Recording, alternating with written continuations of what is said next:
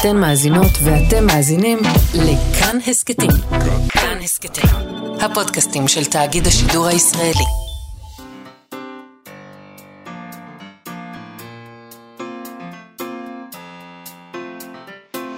מה שכרוך עם יובל אביבי ומה יעשה לה.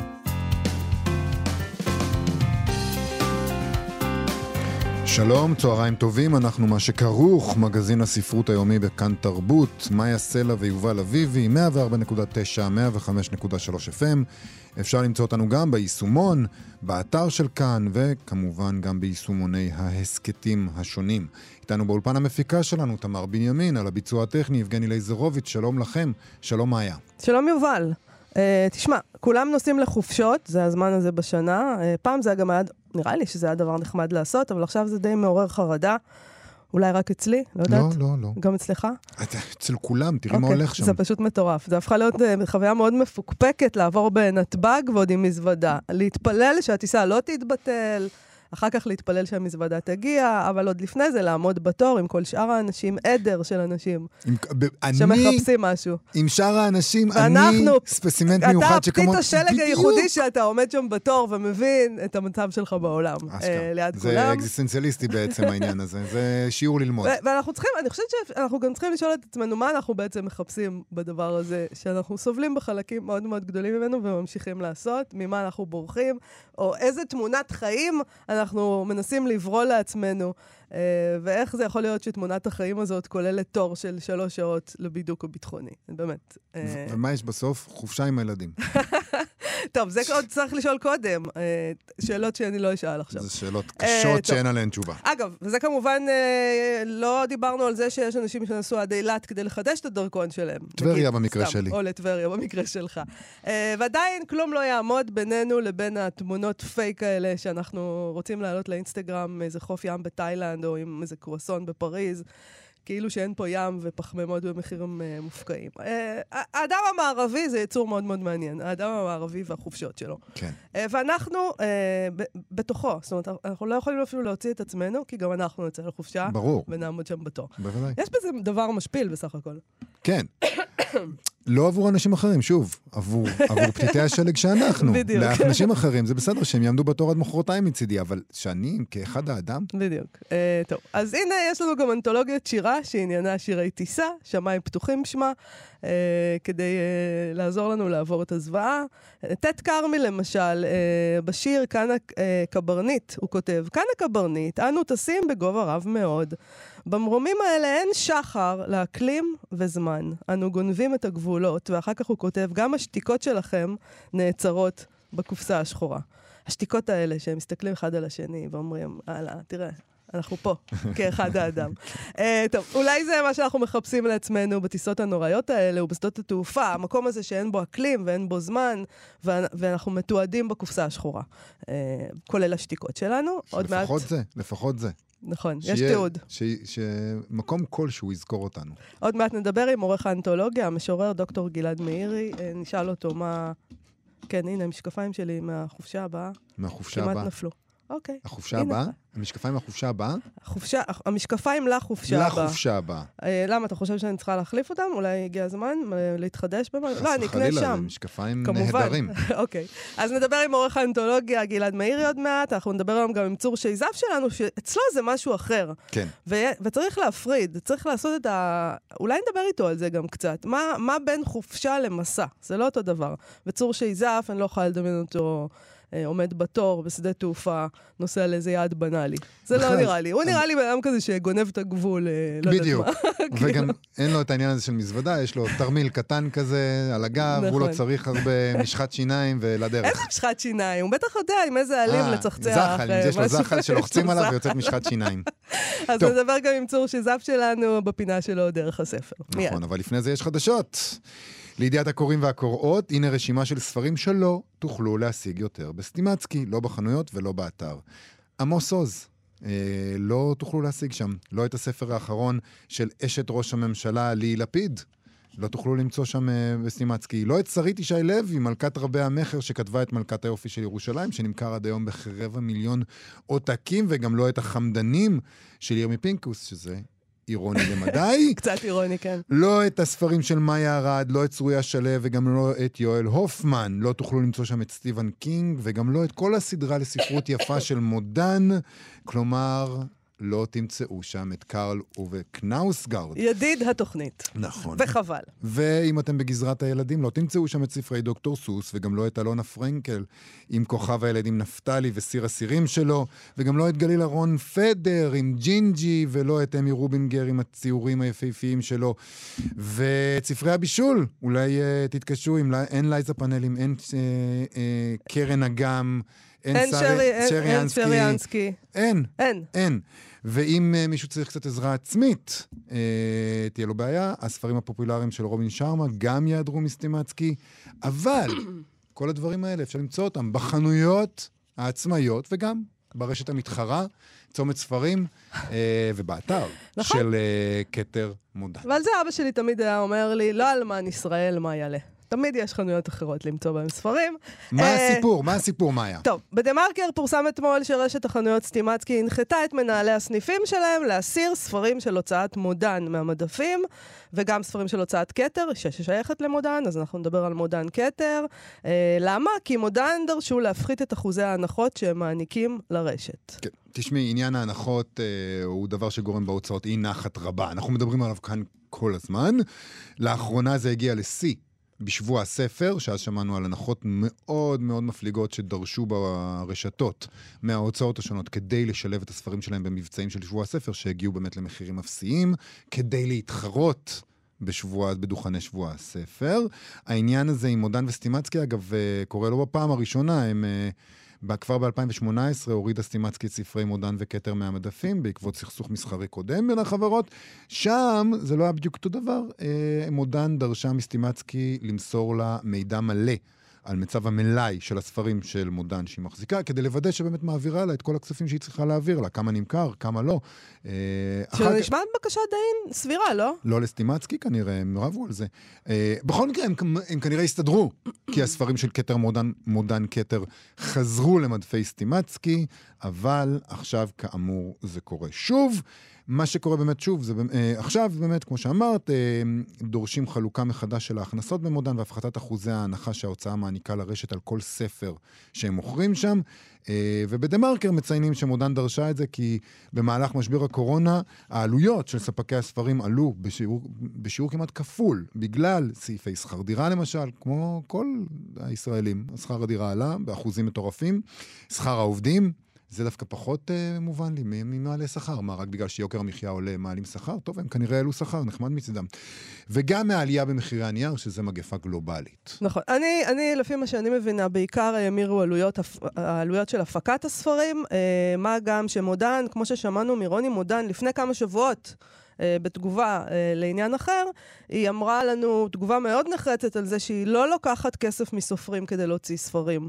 אה, בין ההוצאות היחידות שפשוט לא עושות את הדבר הזה בכלל בכלל. מה זה אומר? זה אומר שכל העלויות עליה. כן. הכל. כולל אגב לשלם תמלוגים לסופרים וכל מיני דברים כאלה. כן, עוד עושים דברים כאלה מדי פעם. נכון, זה פה ושם קורה. אז מה היה המצב עד כה? ההנחות שניתנו לסטימצקי היו בשיעור של 60% על ספרים שאינם במבצע, ו-80% לספרים במבצעים שונים. 80 אחוזים. תקשיב, זה דבר... לא, לא מבין. לא מבינה את הדבר הזה. כלומר, אם המחיר הקטולוגי, נגיד, של ספר הוא 100 שקלים, מודן מקבלת על כל ספר שנמכר 40 שקלים אם הספר נמכר במחיר מלא, ו-20 שקלים אם הוא במבצע. מודן, כן. זאת שהפיקה את הספר ועשתה אותו, מקבלת 20 שקלים. אה, מודן ביקשה לשנות את הדבר הזה ל-60 אחוזי הנחה על הספרים שבמבצע ו-50 אחוזי הנחה על הספרים שנמכרים במחיר מלא. במודן ביקשו שהשינוי לא יפגע במחיר הסופי של הספרים לצרכנים, אבל סטימצקי סרבו לבקשה הזאת. אגב, מודן לא היחידים שמתעמתים עם סטימצקי בעניין. במהלך חודש הספר אנחנו דיווחנו פה שדובי אייכנוולד אה, סירב להעניק להם את הנחת החודש הספר. אה, דובי אייכנוולד הוא מנכ"ל אה, ידיעות ספרים, ואכן הספרים של ידיעות ספרים אה, לא, הם לא הוצאו מהחנויות, אבל הם לא השתתפו במבצעים. Uh, בכל זאת, uh, אני יכולה להגיד שמדובר במהלך מאוד מאוד אגרסיבי כן. uh, של uh, סטימצקי. מצד שני, נזכיר שמודן היא בעצם מתחרה של סטימצקי. זה נשמע מוזר, נכון? זו הוצאה לאור, מה פתאום היא מתחרה של רשת ספרים? אבל ידוע, ההוצאה מחזיקה בשליש מרשת צומת ספרים, המתחרה הגדולה של סטימצקי, ביחד עם הוצאת כנרת זמורה ביטן דביר והמנכ"ל אבי שומר. הבעלים של סטימצקי הם ידיעות ספרים, מה שמסביר אולי מדוע ספרי ההוצאה לא הוצאו מהחנויות בסכסוך של ידיעות עימם, ולצידם גם דיסקונט קפיטל ומשפחות גרינברג ומיתר. שיש להם אה, 60 אחוזים. 60 אחוזים, כן. נכון. אה, סטימצקי גם מתחרה בהוצאות עם הוצאה שלה, תכלת. אה, יש לה הוצאה גם. ונזכיר עוד שהפגיעה היא הדדית, כן? אה, הרשת תיפגע כי למודן יש קטלוג עשיר שגדל כשרכשה ב-2016 את כתר, ועתה לא יוצא ללקוחות סטימצקי, שרק חלק ממנו מנינו בתחילת הדיון הזה. יש... חלק מאוד קטן. אה, סטימצקי מרוויחה הרבה כסף, מן הסתם, על, על כל הספרים של מודן כתר, כן? בוודאי. מצד שני, ההוצאה תיפגע, כי סטימצקי, יש לה יותר מ-130 סניפים לדעתי, ושם יפסיקו למכור את הספרים שלהם, וכמובן, מי שייפגע, זה תמיד, זה כשחוטבים עצים, השבבים פוגעים בקורים. אנחנו השבבים. אנחנו השבבים. הקוראים וגם הסופרים. הקוראים והסופרים, הסופרים, נכון. נכון. טוב, אז פנינו לממונה על ההגבלים העסקיים כדי לשאול איך ייתכן כדבר הזה, האין זה מצב מובהק, באמת מובהק, של ריכוזיות, והאם הממונה על ההגבלים העסקיים לא חושבת אה, להתערב אי פעם בעסק הביש הזה, באמת. כן. עד כה אה, לא התקבלה תגובה ממנה, מניחה שאם אה, אין תגובה זה אומר שהיא לא מתכוונת להתערב, כמו שלא התערבו עד עכשיו, אה, או... יובל, שהיא בתור בשדה התעופה. בבידוק הביטחוני, שואלת את עצמה, כמו כולנו, למה היא בכלל יצאה מהמשרד. כבר היה עדיף לענות לנו. באמת שכבר היה עדיף. את יודעת, כשדיברנו, אסור להם לדבר אחד עם השני, להוצאות, למשל. להם אסור לדבר אחד עם השני. נכון. אסור להם להגיד, תקשיבו, חבר'ה, בואו כולנו נגיד להם, אם אין הוצאות אין ספרים, ואז לא יהיו בסטימצקי ספרים בכלל. אסור להוצאות לעשות את זה בגלל הממונה על ההגבלים עסקיים. אז אולי הם יגידו, מה אתם מצפים שההוצאות יעשו? תגידו לנו, לא, אם אתם לא רוצים להתערב, אני- אני והשוק יכולה- החופשי הוא כזה נהדר, זה נכון, אבל אני יכולה לדמיין עכשיו מצב, לא, לא על כל דבר חייבים לדבר. אה, אם יש עכשיו מין מצב כזה, תחשוב, מצב מאוד מיוחד שבו סטימצקי הודיעה שהיא מוציאה, או הוציאה כבר, אני לא יודעת, את הספרים של מודן. הוצאות אחרות יושבות ורות. עכשיו, כשחשבתי למה הם עש- עשו כזה דבר אגרסיבי, אז חשבתי לעצמי שאולי הם עשו את זה כי הם לא יכולים להרשות לעצמם שעכשיו, אם הם יסכימו למודן, אה, על התנאים האלה. כולם ירצו. נכון, אז זה מין, אה, למען יראו וייראו. נכון. אבל ההוצאות שיושבות עכשיו על הגדר ומסתכלות, יכולות uh, גם לעשות את התרגיל שלהם ולהגיד, אנחנו מצטרפים למודן, ואתם לא תמכרו בכלל ספרים. אנחנו לוקחים את הספרים שלנו. שאלה הם יכולים להרשות לעצמם לעשות בדיוק. את זה. מודן- דבר שמודן זו הוצאה מאוד מאוד בדיוק, חזקה. עם הצעה חזקה, עם אה, אתר פעיל, עם, עם כן. אה, קטלוג אה, יציב, עם, עם עמוס עוז שמוכר יפה, עם ספרי בישול שמוכרים יפה. סטיבן קינג, סטיבן יש קינג. להם, כן. יש להם קטלוג שמאפשר להם של הוצאות יש אחרות. כל- אין. עוד שאלה מעניינת, זה האם באמת עכשיו הלקוחות ששומעים על הדבר הזה יגידו לעצמם, אפילו אנשים שלא יודעים מה הם רוצים לקנות, אבל אני הם אלך יגידו לעצמם, לחנות עצמאית. אה, אה, אוקיי, סטימצקי, אני יודע שאין שם את כל הספרים, אז אני אלך עכשיו או לצומת ספרים או לחנות עצמאית אה, מ- מראש, ופתאום יסתבר שהם לא נכנסים לחנויות של סטימצקי, זה גם יכול להיות מעניין. יכול להיות. מה אוקיי. מה אומרים שם? סטימצקי, תגובת סטימצקי לפרשה. כן. ככה, הם, ככה הם אמרו לנו. לצערנו, הוצאת מודן כתר החליטה להפר באופן חד-צדדי הסכמים הוגנים שנהוגים בינינו לבינם שנים ארוכות, על מנת להפעיל לחץ עסקי וציבורי. בחרה ההוצאה להשתמש בסופריה כבני ערובה. Mm. ראוי היה כי תימנע מלעשות זאת, לסטימצקי אין כוונה להיכנע ללחץ שמפעילה ההוצאה. טוב, אה, בני ערובה הסופרים. כן. אפשר, אפשר היה לטעון, אני לא אומר, אני לא משמש פה כעורך דין של מודן, אבל אפשר היה לטעון שמה שעומד לנגד עיני ההוצאה זה האפשרות לשלם לסופרים שלה. נכון. אבל, אבל- זה לא אבל עומד אפשר- לנגד העיניים של סטימצקי. לא, בסדר, אני רק אומר, כ, כתגובה הם הפכו את ל- כל הדבר, והם כתגובה בסדר. כן. לטענה של, שהסופרים הם בני ערובה של ההוצאה. זה יכולה להיות תשובה תיאורטית בוא אחת. נשמע את התשובה הלא אה, תיאורטית. יש תשובה יש, תיאור- יש לא לנו אה, תיאורטית, תגובה בבקשה. של הוצאת הספרים אנא, כתר. וכך הם אמרו לנו. אנחנו מעריכים את רשת סטימצקי כשחקן מרכזי בשוק, ובשנים האחרונות נראה ששני הצדדים ראו ברכה בשיתוף הפעולה ביניהם. אולם, בשנתיים האחרונות, כתוצאה מהמשבר הגלובלי, הוכפלו עלויות ההפקה של הספרים. לפני שלושה חודשים פנינו לסטימצקי, בהתאם להסכם בינינו, הודענו שלא נוכל להמשיך בתנאים הקיימים, והזמנו אותם למשא ומתן. מאז התקיימו מספר שיחות בנושא. להפתעתנו, כשהגיע רגע האמת, הודיעו לנו נציגי הרשת כי על אף שהם מכירים באמיתות טענותינו, אין בכוונתם לנהל כל משא ומתן על תנאים חדשים. באותו יום הורידו באקט בריוני חד צדדי את ספרי מודן וכתר ממדפי החנויות והאתר. הוצאת ספרים כשלנו, אשר כל פעילותה ממומנת על ידי הכנסות ממכירת ספרים, לא יכולה להמשיך ולפעול, כאשר מה שהיא מקבלת מהסיטונאי זה 30 עד 40 אחוזים מהמחיר המוטבע על גבי הספר, ופעמים רבות גם פחות מכך. תורידו מזה עלויות מערכת וייצור, שכר עבודה וכמובן תמלוגים לסופרים, ותבינו מדוע לתנאים שסטימצקי מבקשת אין תקדים בעולם. אין לנו ברירה אלא לעמוד על זכותנו לתנאים הוגנים, לטובת המשך קיומה של מו"לות איכותית ועצמאית, ולטובת העושים במלאכה, ובראשם הסופרים. אולי בכל זאת הממונה על ההגבלים העסקיים תרצה להגיב, ואם היא תעשה את זה, אנחנו נביא את הדברים שלה.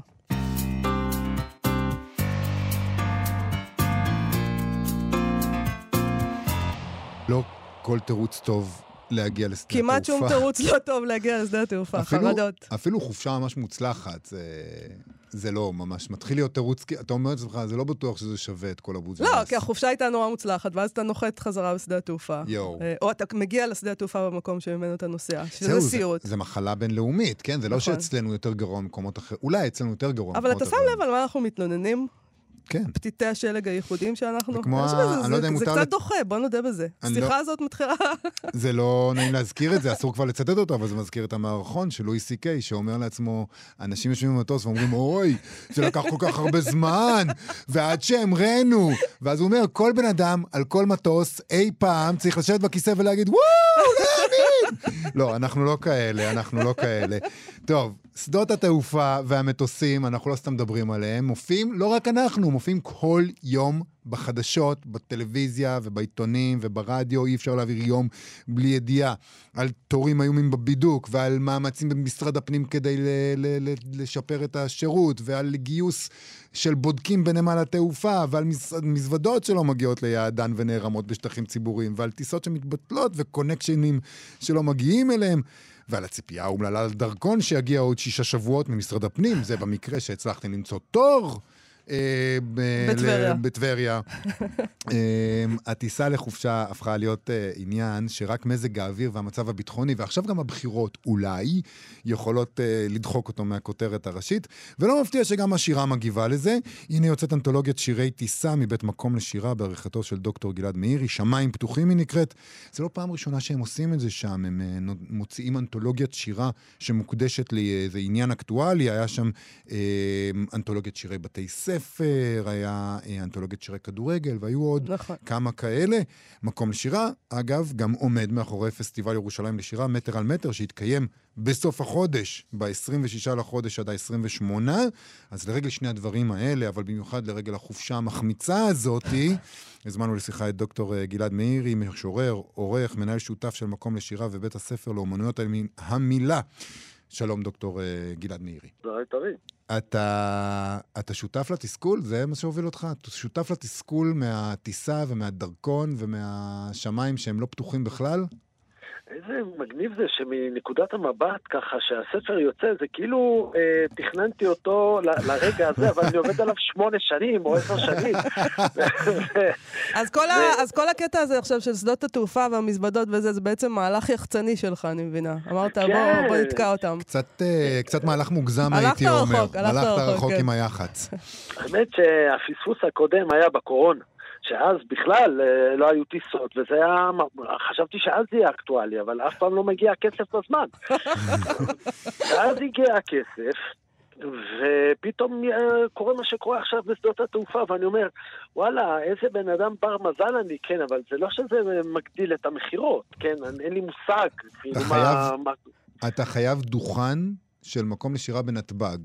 אתה שם אותו, איך שיורדים ליד הפסל של דוד בן גוריון, הראש שלו, שם תציב אה, דוכן קטן, ו... ו... וזהו, אתה מסודר. כן, זה מה שחשבתי לגבי הכדורגל והאצטדיונים, זה מה שחשבתי לגבי הבתי ספר. בסוף, שירה מוכרת, כמו שירה, בצניעות, פה ושם. הרעיון של לעשות אה, אנתולוגיה סביב אה, שירי טיסה, שווה, שווה לפחות אייטם, זה בטוח. הנה, אנחנו כאן. The proof is in the pudding, כמו שאומרים, כן. למה עניין אותך אבל הנושא הזה מראש? שירי טיסה. איפה זה בא לך לפני שמונה שנים? כן, האמת הרעיון עלה כתוצאה מזה שיובל יבנה עשה סדנה במקום לשירה לפני איזה 15 שנה, 14 שנה, בנושא הזה של שירי טיסה. הוא לקח שתיים, שלושה שירי טיסה, ואני קיבלתי השראה. ואני השתתפתי בסדנה, ואמרתי, אוקיי, וואלה, זה רעיון מדהים, מעניין מה השירה העברית עושה עם הנושא הזה. ובכלל, כל הנושאים האלה, השקופים, הם תמיד מרתקים אותי, כן? כמה שירי כדורגל, כמה שירי זנות יש, כמה שירי פורנו יש. כל השאלות האלה שמודחקות, ושירי טיסה זה כיף. כן, העניין הזה של לגעת בשמיים זה, זה מהלך אה, רוחני טכנולוגי. וזה זה הסעיר, זה הסעיר אותי. זאת אומרת, לראות איך כל אחד מתייחס לזה, מה עוד שזה נושא, מה שאני קורא לו, אזרחי. והנושאים האזרחיים הם בעיניי מהותיים לבנייתה של uh, תרבות עברית, של uh, תרבות ישראלית נורמלית, כן, שאנשים מדברים אחד עם השני, הם חייבים לדבר כבני אדם. כן, כשמדברים עם אלוהים, יכולים, אני יודע מה, ללכת לגובה ולהתפייט וזה, פה אתה צריך לקחת אחריות. אבל זה העניין, זאת אומרת, אתה אומר לעצמך, הנה דבר שכולנו מתעניינים בו, כדורגל. הנה דבר שכולנו מתעניינים בו. חוויית ההליכה לבית ספר, כל, אה, כל ראשון בספטמבר, אנחנו כולנו שם עם הילדים שלנו, משחזרים את החוויות האימה של עצמנו. ו- ושמים את זה בפייסבוק. הנה, כולנו נוסעים, כולנו טסים, כולנו חייבים, חשים את תחושת ההתעלות הזאת, ואתה אומר לעצמך, כולם יקנו את זה. הנה דרך לחבר את העם לשירה. הנה דרך להגיד לעם...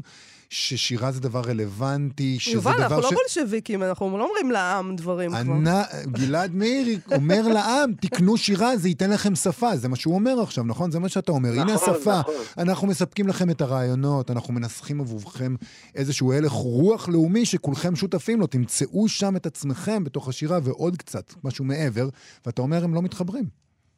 אמ, כל מילה שלך בסלע, ממש. זאת אומרת, זה, זה החזון. וזה הרבה פעמים אה, מה שקורה כשיש חזון, כשלא פוגש את המציאות. עכשיו, אני יכול להבין, כאילו לאנגלים יש אה, מגנה קרתא 800 שנה, אם יש להם חברה אזרחית, היא מטופחת, זאת אומרת, להם היו שירי כדורגל במאה ה-19.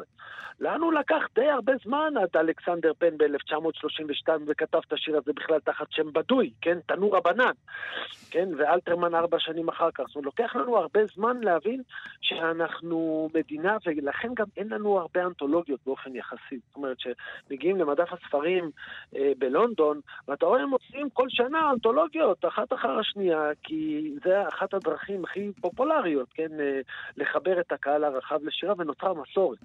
לנו המסורות נגדעות נורא מהר, מה עוד שמוסדות התרבות מאוד מאוד צעירים. אתם יודעים, מוסד תרבות בירושלים זה רק דבר קיים בין מאה שנה, זהו. תל אביב בקושי קיימת מאה שנה. כן. זאת אומרת, אין לנו, אין לנו מסורת כזאת, ולכן כל דבר, וואלה, אתה צריך לקרוע את התחת בשביל שזה יקרה. כאילו, דבר פשוט, אנתולוגיה, אתה צריך לשלם על זה אקו"ם, בשביל זה יהיה קרחה קשה, ואז אף אחד לא כותב על זה. זאת אומרת, אה, אף אחד לא מתייחס לאנתולוגיה, נו, זה, זה כזה לא רציני, אבל אני לוקח את זה כמו מחקר.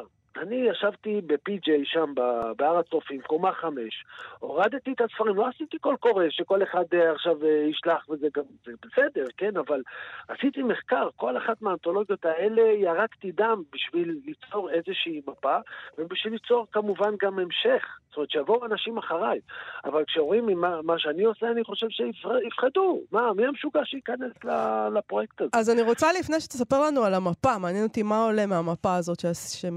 מה מה, איזה מסקנות יש לך? אה, אולי קודם כל תקרא שיר אחד מהאנתולוגיה. אני אקרא סונט אה, של אה, ליאור שטרנברג, שנקרא חזרה. חזרה אל העברית, אל שדה התעופה. אלימות כבושה מתפתלת כשריר בתור לדלפק. נצנוץ פלאפונים. מחוות מוכרות של גוף ושפה. גל עייף של קוצר רוח חוזר ומכה ודוחק, כמה מהר. את זיכרון השנון הנוצץ, וגבעת הצלבים של קלון מייקוינס, את כנסיות האבן החברות, חסרות הגג. האם האור והרוח נשבו בצינה השקופה אל תוכן ומהם? לילה שוטף עתה את חלונות הטרמינל הקרים. אורות כמוסים רומזים אדום וירוק במרחק הלא מוכר. גם אנו, ככל פולשי העבר, מיהרנו לחלוף, מותירים אחרינו רק רוח קשה. צלצול עקבים נוקב את החלל הקר, דובר העברית. הנה, שבנו אל שלנו, זרים. שבנו אל שלנו זרים, אז יש פה 137 שירים, 86 משוררים ומשוררות. מה, מה, מה עולה? כאילו, מה, איזה... תמפה קצת את השירה שיש פה. איזה מסקנות אז, יש לך? אה, אז יש איזה מנעד אה, מעניין שמתחיל כמובן מהחגיגה. זאת- זו, זו פעולה קרנבלית, לטוס, להגביה עוף, והרבה מאוד שירים עוסקים בדבר הבנאלי הזה לכאורה, כן, של אה, להיות בשמיים. אה, כמובן שיש הרבה מאוד אה, שירים שהיום לא היו עוברים את סף המיטו, של התפעלות מהדיילות.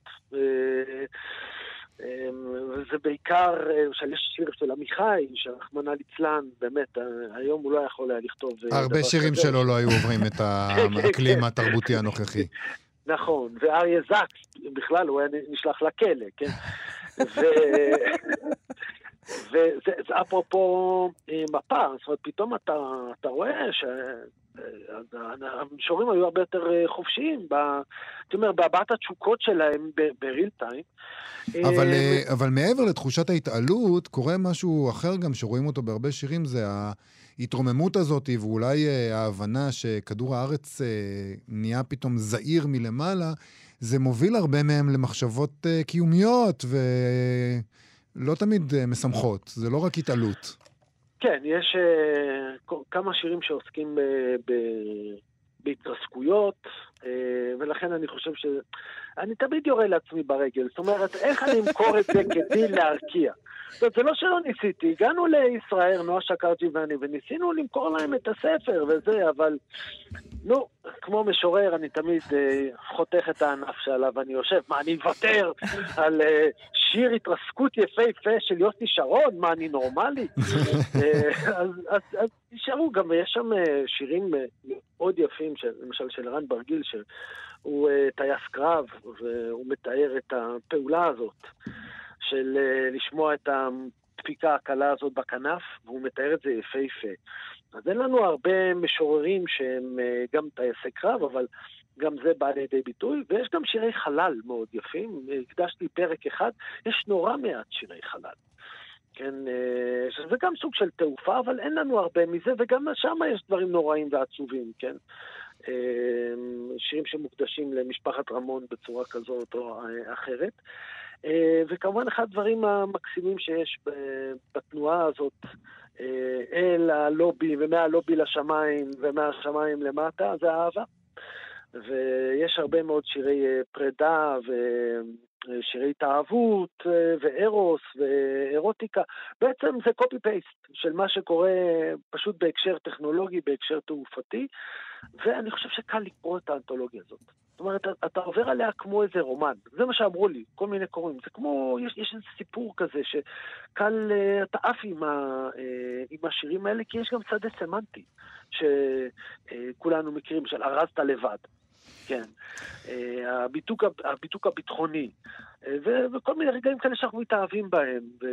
כן, ש... הם מאוד מוכרים לכולנו, הדברים האלה. וגם אנחנו, גם אם אנחנו לא יודעים לנסח את זה יפה כמו מהמשוררים, אין מה לעשות, טיסה זה משהו שמעורר בך מחשבות עמוקות, מה לעשות?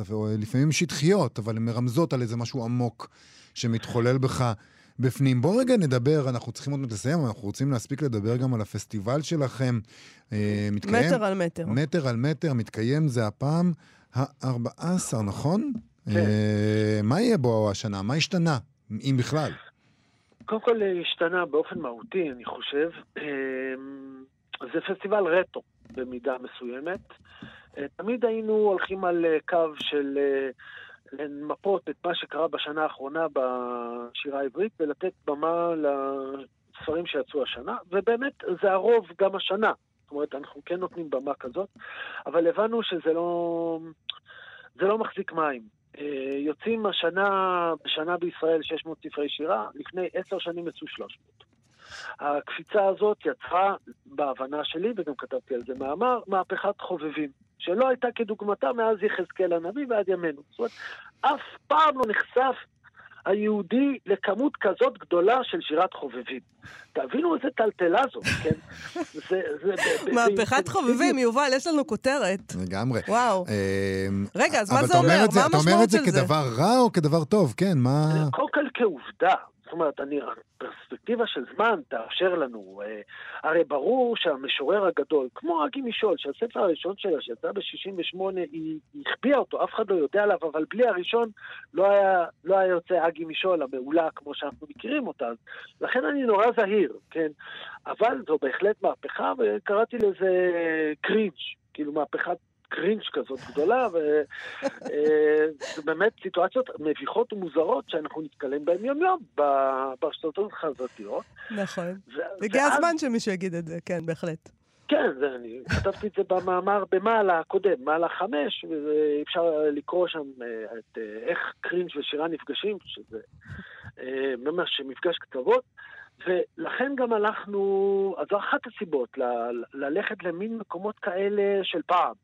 אה, לדבר על התכתבויות, אה, מספר 14, אז יש לנו אירוע לסונטים, כן? אה, זהב ובגט, בגט זה 14 בגימטריה, וזה גם כאילו הסגנון כתיבה של, של סונט מילה. כן? כן. אז, אה, או הכרת תודה, איזה מין דבר זה הכרת תודה בימינו, כאילו, זה לא נתפס, גם אחרי כל כך הרבה ש... שנות שלטון ביבי, אנחנו לא... הכרת תודה צריך להחזיר את הערכים הישנים, כאילו, זה מין, יהיה לנו משהו שמרני כזה, שפת הפרחים, כאילו, איפה האינטרנט? מה קרה? וצריך להגיד שנועה שקרג'י, שהיא באמת הכוח הטורבו המוביל, הייתי אומר, בפסטיבל הספציפי הזה, היא הוציאה ספר מחקר שנקרא אינטרנטיקה. כן, זאת אומרת, כן. דווקא, דווקא מה שמעסיק אותנו כחוקרים, הפופואטי שלי, או האינטרנטיקה שלה, אנחנו שמים את זה בצד, ולהסתכל רגע קצת אחרת על השירה העברית, לתת במה לזכרו של אה, עמינדב דיקמן, שהלך לעולמו בגיל אה, צעיר, חלומות בשירה, וגם לחגוג 20 שנה. כאילו, לא יאומן, אבל אנחנו כבר נכון, בצבא. נכון, מדהים. זה? אתם כן. בצבא, כן. אתם משתחררים עכשיו. Uh, גלעד מאירי, לפני נוסעים, סיום... נוסעים לטיול אחרי צבא. בדיוק. Uh, לפני סיום, uh, בוא תקרא לנו עוד שיר אחד מהאנתולוגיה, שלך הפעם אולי. כן, אז אקרא את uh, הישרדות, שהוא סונט מילה. בשעת חירום שמעת את, את אהבתך אליי כמכל דלק נתיק, וצללת בריק מגובה רב לזרועותיו. שמיים פתוחים, אנתולוגיית שירי טיסה ופסטיבל מטר על מטר. תודה רבה לך, גלעד מאירי. תודה רבה לכם. להתראות. ביי ביי. עכשיו, דרך הספר.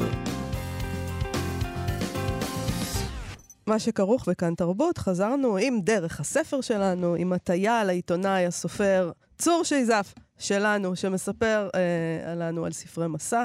שלום צור. שלום וברכה, מה שלומכם?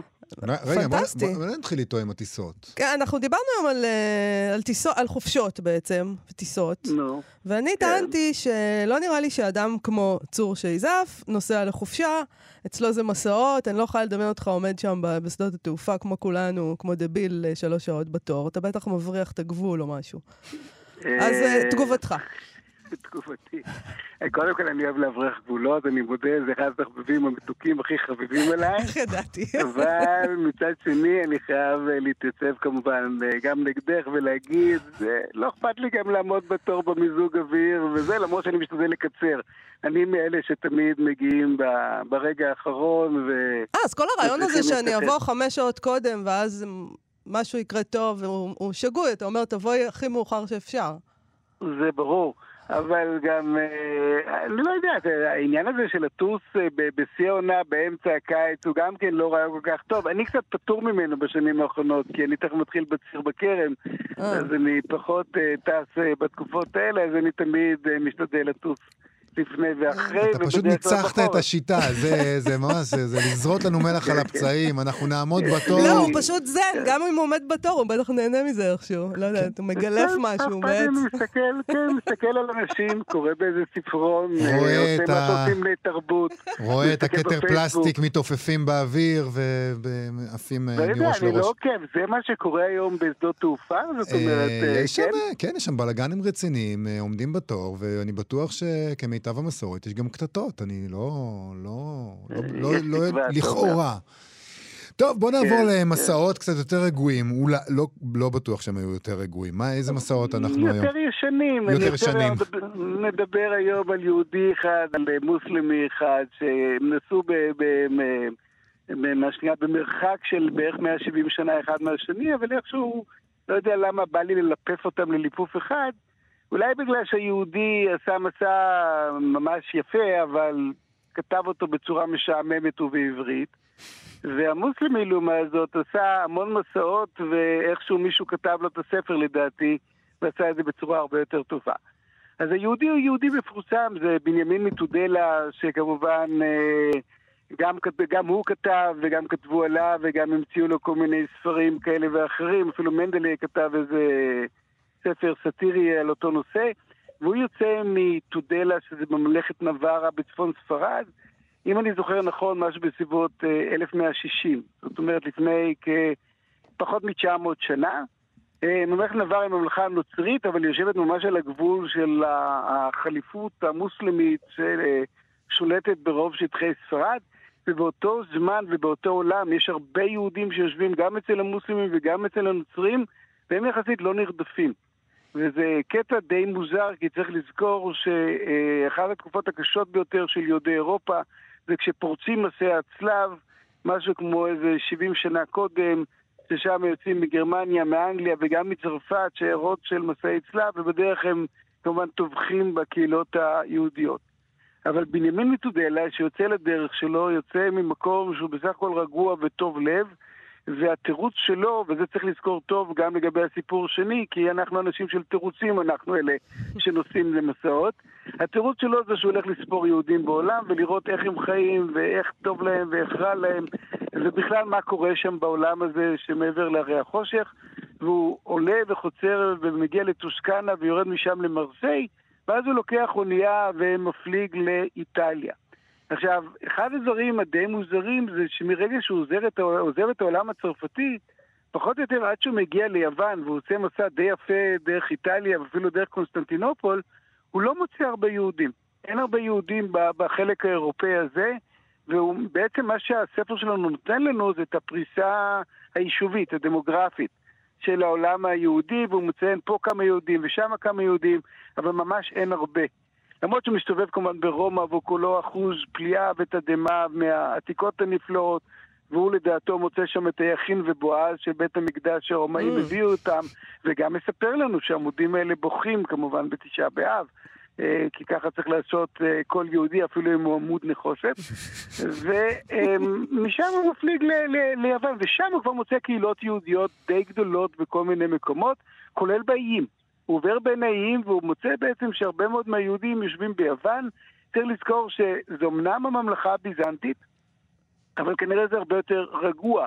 כי כשהוא מגיע לקונסטנטינופול, שם יש לו תלונות גדולות ליחס שהיהודים מקבלים ולזה שהם נרדפים ושלא אוהבים אותם, והוא די עוזב את העניין של קונסטנטינופול וממשיך במסעו גם למצרים וגם לארץ ישראל. ובארץ ישראל הוא עושה מסע מאוד מאוד מפורט, ובירושלים כמובן הוא לא מוצא כמעט יהודים, יש שם כנראה אה, ארבעה יהודים או משהו בדומה, ורוב היהודים מרוכזים כמובן בגליל ובכמה מהערים. וצריך לזכור עוד דבר, באותה תקופה ירושלים היא צלבנית, היא בירת המדינה הצלבנית, וצריך לזכור שהכיבוש הצלבני שקרה 70 שנה קודם, הצלבנים, היהודים נלחמים עם המוסלמים נגד הצלבנים, ולכן נטבחים ביחד איתם, וירושלים היא עיר די נוצרית באותה תקופה. בכל מקרה המצב בארץ ישראל הוא לא משהו, והוא עולה צפונה ובעצם פונה לכיוון אה, אה, כורדיסטן ולכיוון הערים, מגיע אפילו להר סינג'אר. ובא, אבל כשהוא עובר בלבנון, ואחר כך גם כשהוא עובר בפרס, הוא מדבר על כיתה שאנחנו, נדמה לי שהזכרנו אותה גם במזון מתודלה, וזה העססיון, או החששיון, החששים. דיברנו עליהם כאן, כן. דיברנו עליהם, כן? והוא מאוד, הוא מדבר גם על הקבוצה הזאת, והוא... הוא מצטט שם כל מיני סיפורים, ולכן צריך לזכור שגם מרקו פולו בא אחריו. מרקו פולו הוא משהו כמו מאה שנים אחריו, וגם אה, אה, אבן בטוטה, שזה הנושא המוסלמי הבא שאנחנו נדבר עליו, גם הוא מדבר עליהם, והם כולם מספרים בעצם את אותו סיפור, ולכן השאלה היא אם אלה היו האגדות הרווחות, האם זה הדבר האמיתי, או שנגיד מרקו פולו לקח מבנימין מתודלה ואבן בטוטה לקח ממרקו פולו. בכל מקרה, כולם יש להם את הסיפור הקטן הזה, על זה שהם כמובן גרים בערים הגבוהים ויש להם איש זקן בהר והם מתנגשים וכולם מפחדים מהם. ובנימין מתודלה מספר גם על הדרוזים. הוא מספר על הדרוזים, ונדמה שזה אזכור ראשון במקורות אה, על הדרוזים, והוא מספר על זה שאין להם אלוהים בעצם, ושהנשמות אצלם מתגלגלות כמובן, כל פעם שמישהו נפטר זה מתגלגל אה, אה, בתינוק שנולד, ומגדלים כמובן את השפם שלהם והולכים עם הכובע המשונה שלהם, והם אנשי צבא נהדרים, והם שומרים על היהודים. זאת אומרת, יש לו דעה מאוד מאוד טובה. הוא ממשיך במסעותיו ומגיע, כמו שאמרתי, הוא עובר במצרים והוא מגיע לפרס והוא מגיע לסמרקנד והוא מגיע גם לאפגניסטן. ובכל מקום הוא, הוא סופר את היהודים. אז אני אומר, יש, יש שני דברים נפר, נפרדים. אחד זה כמובן לחבב אותו על המסע שהוא עשה, וכמובן להתייחס אליו בתור התיאור או הצילום מצב של מה קרה בעצם, אפשר לומר, מקדמת הים התיכון ועד מרכז אסיה, לפני בערך כ-900 900 שנה. שנה. אבל אתה אומר ש- שזה זה קריאה משעממת. אתה לא מתפעל אני מהכתיבה אני שלו. אומר, זה לא מספיק מעניין. הספר נכתב בעברית. זה לא שאתה צריך להתאמץ הרבה. כל בן אדם יכול להיכנס לדעתי לאתר הספרייה הלאומית שלנו ופשוט להוריד לעצמו עותק. זה דבר שאני עשיתי אותו לפני הרבה מאוד שנים, כשאני כתבתי את הספר של ליל דרך חמשי, שישבתי וקראתי. הוא לא מאוד ארוך, אבל אתה צריך לשלוט ממנו את הפנינים, ובעצם הוא יותר מין סופר נוקדן כזה שעושה את הדברים. אז אז אצל בוא אבן, נעבור אה, אבן אה, בטוטה, זה סיפור אחר. מה יש לכם, חבורה של אנטישמים שמאלנים שכמוכם? זה שיהודי קצת משעמם, זה אומר שלא צריך לדבר עליו. יאללה. נלך לאבן בטוטה. בוא- יאללה. כן, למעניין. כן, כן, יובל. בעצם אני אומר לך, זה המעניין, לא מעניין אותך המסורות והמקורות. אנחנו אוקיי, רק. העניין הספרותי ללא הבדל אה, דת, גזע ומין. רק, רק האם זה טוב ספרותית. זה כל מה שהוא לנגד. עינינו. זה נכון לגמרי. אז אבן בטוטה, הוא בא ממשפחה אה, מפורסמת של קאדים, של אה, שופטים ופוסקים בטנג'יר שבמרוקו. מרוקו באותה תקופה היא תקופת זהב. יש להם הרבה כסף, יש להם סולטן עשיר, והוא בא בעצמו ממשפחה עשירה, והוא יש לו החלטה, כמו שאמרתי, אה, שני החבר'ה האלה זה אנשים של החלטות, אנחנו מדברים על בערך 1325, זאת אומרת 170 שנה או 115 שנה, חשבונות עכשיו. הם בסביבות 170-180 שנה אחרי אה, בנימין מצודלה, והוא יש לו החלטה עקרונית, הוא לא נוסע סתם לטייל, הוא עולה למכה. אבל הוא עולה למכה, לא כמו שכולם עושים, הוא לא נוסע למצרים ולוקח משם ספינה, מפיק לג'דה ומשם הולך, הוא מתחיל לנסוע בעולם לכל מיני מקומות, לא תגידו לו איך לנסוע, הוא יגיד לכם איך לנסוע. ובאחד המסעות שלו כמובן הוא מגיע לקונסטנטינופול, וכשהוא מגיע לקונסטנטינופול, אז הוא, הוא, הוא כמובן משתאה מהעיר ומארחים אותו, ואז הוא נוסע לתחום של, ה, של השבטים הטורקים, והשבטים הטורקים, יש שם איזו נסיכה ביזנטית. שהיא רוצה לנסוע בחזרה לקונסטנטינופול לבקר את ההורים שלה, והוא חוזר איתה לקונסטנטינופול במטרה אחרי זה להמשיך ולטייל איתה בעולם המוסלמי שבעצם משתרע מעבר לגבולות, כי באותה תקופה הביזנטים די נדחקים אה, על ידי, זו התקופה שהממלוכים שולטים ברוב העולם הזה שמסתובב מעבר לגבולות של ביזנט, ואז מסתבר לו שהנסיכה לא, בעצם לא רוצה לחזור לעולם המוסלמי ונשארת שם, והוא ממשיך להסתובב, ואז הוא נוסע לו לכל מיני מקומות באזור, וחוזר לטנג'יר. חוזר לטנג'יר ואומר לעצמו, אוקיי, מצא חן בין העניין הזה של להגיע למכה, אני בוחר עכשיו איזשהו כיוון אחר, ואז הוא מגיע עוד פעם ויוצא למסע גדול, ואז הוא בכל זאת נוסע דרך מצרים, אבל הוא לא נוסע למכה, אלא הוא ממשיך הלאה. והוא מגיע לו אה, לאיים המלדיבים. האיים המלדיבים אומרים לו, אה, אתה מהמשפחה הזאתי, ואתה בחור אה, מפורסם, ואנחנו באמת שמענו עליך הרבה דברים טובים, אולי אתה מוכן להיות פה קאדי. עכשיו צריך לזכור את העניין שהיתרון היחסי הגדול של אה, אה, אבן בטוטה. הוא מדבר ערבית, הוא קורא ערבית והוא מוסלם.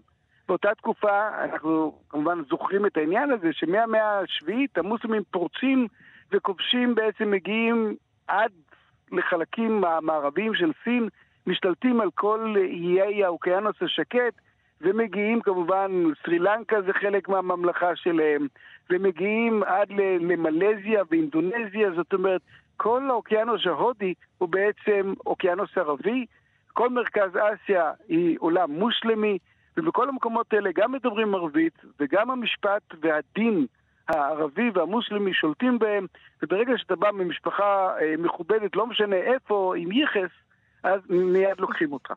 אחרי כמה זמן מסתבר לחבר'ה במלדיבים שהוא נוט די רציני בן בטוטה הזה, ושהוא סנוב, ואז הם פחות או יותר, אחרי שהוא כבר התחתן. הם שמים לו בעיטה ומגרשים אותו מהאי. הוא משאיר שם את האישה, כי דרך אגב הוא התחתן עם כל מיני נשים בכל מיני מקומות. אני לא חושב שהוא שמר על העניין הזה של ארבע נשים, הוא, הוא בהחלט אה, פיזר, מה שנקרא, לא יודע אם הוא השחית, אבל לפחות פיזר את זרעו. זאת אומרת, יש לנו המון אימן בטוטות קטנים שמסתובבים בכל מיני מקומות בעולם. ומשם הוא ממשיך והוא מגיע לסרי לנקה, הוא מגיע לסרי לנקה ושם הוא מתחיל לדבר על הקוקוס. הוא מפאר את הקוקוס, איזה דבר נפלא זה. שאם אתה אה, קורא בו חור כשהוא עוד ירוק, אז אתה שותה בו את, ה, את הנוזל המזין שלו, שהוא כמובן, וצריך לזכור זה בן בטוטה, זה נוזל שהוא מצוין לכוח הגברה. ואחרי זה, כמובן, אחרי שגמרת ללגום את המיץ, אז אתה אוכל את, ה, את הבשר של הקוקוס, והבשר של הקוקוס כמובן טעמו כטעם הביצה. כל מיני רעיונות, זאת אומרת, אני לא יודע, אולי הטעם של הקוקוס השתנה במשך השנים, או שלבן בטוטה היה את הטעם שלו. והוא ממשיך במסעותיו, והוא נוסע לו, והוא מגיע, יש טוענים שהוא מגיע לסין, יש טוענים שהוא לא מגיע לסין. זה לא נורא חשוב, אבל הוא כן מספר לנו אגדות על המונגולים. ופה הוא למשל מצטט אגדה, שיכול להיות סיפרתי אותה כבר בסיפוריי על מרקו פולו, לאותה נסיכה לוחמת. שהיא כל כך חזקה, שהיא נכנסת והורגת את המלכים שמתמודדת איתם, והיא נורא רוצה להתחתן, אבל על מנת להתחתן איתה צריך להיאבק איתה בקרב היאבקות ולזרוק אותה מתוך המעגל, ואף אחד מהגברים כמובן לא רוצה להיאבק בה, כי אה, היא תזרוק אותם, את כולם, היא כזאת גדולה וסוסית, ובקיצור, לא, אנחנו לא שומעים על חתונה. בכל מקרה, כמו שאני אומר, זה סיפור שמספר אותו גם מרקו פולו, אז מאוד יכול להיות שאיבן בטוטה לוקח אותו משם. עכשיו, הם פשוט גנבו אחד מכל ה... אחד מכל... כן, מהשני. כן, הם גנבו אחד מהשני, אבל יש כאלה שידעו לכתוב גם. אנחנו. כן, כן. אנחנו צריכים עוד מעט לסיים, אז uh, משפט אחרון על איבן בטוטה.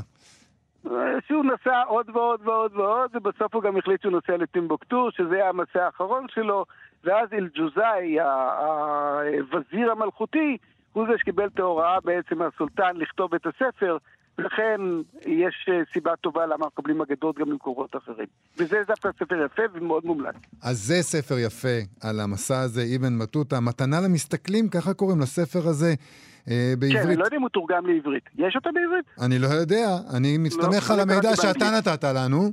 אה, אה, פשוט כיוון שאני לא יכול לבטא את זה בשפת המקור. תמר, תבקש מתמר עזרא בשביל זה המפיקה. מסעות בנימין, בנימין מתודל הצור שזף, תודה רבה לך על הפינה הזאת. להתראות במסעות. להתראות. ועם זה אנחנו uh, מסיימים להיום. Uh, תודה לתמר בנימין, המפיקה שלנו ואחראית על השמות uh, מעכשיו, וליבגני אליזרוביץ' שעשה איתנו את התוכנית מבחינת הביצוע הטכני. בואו לבקר בעמוד הפייסבוק שלנו וגם בעמוד הפייסבוק של כאן תרבות. אנחנו נהיה פה שוב מחר. להתראות.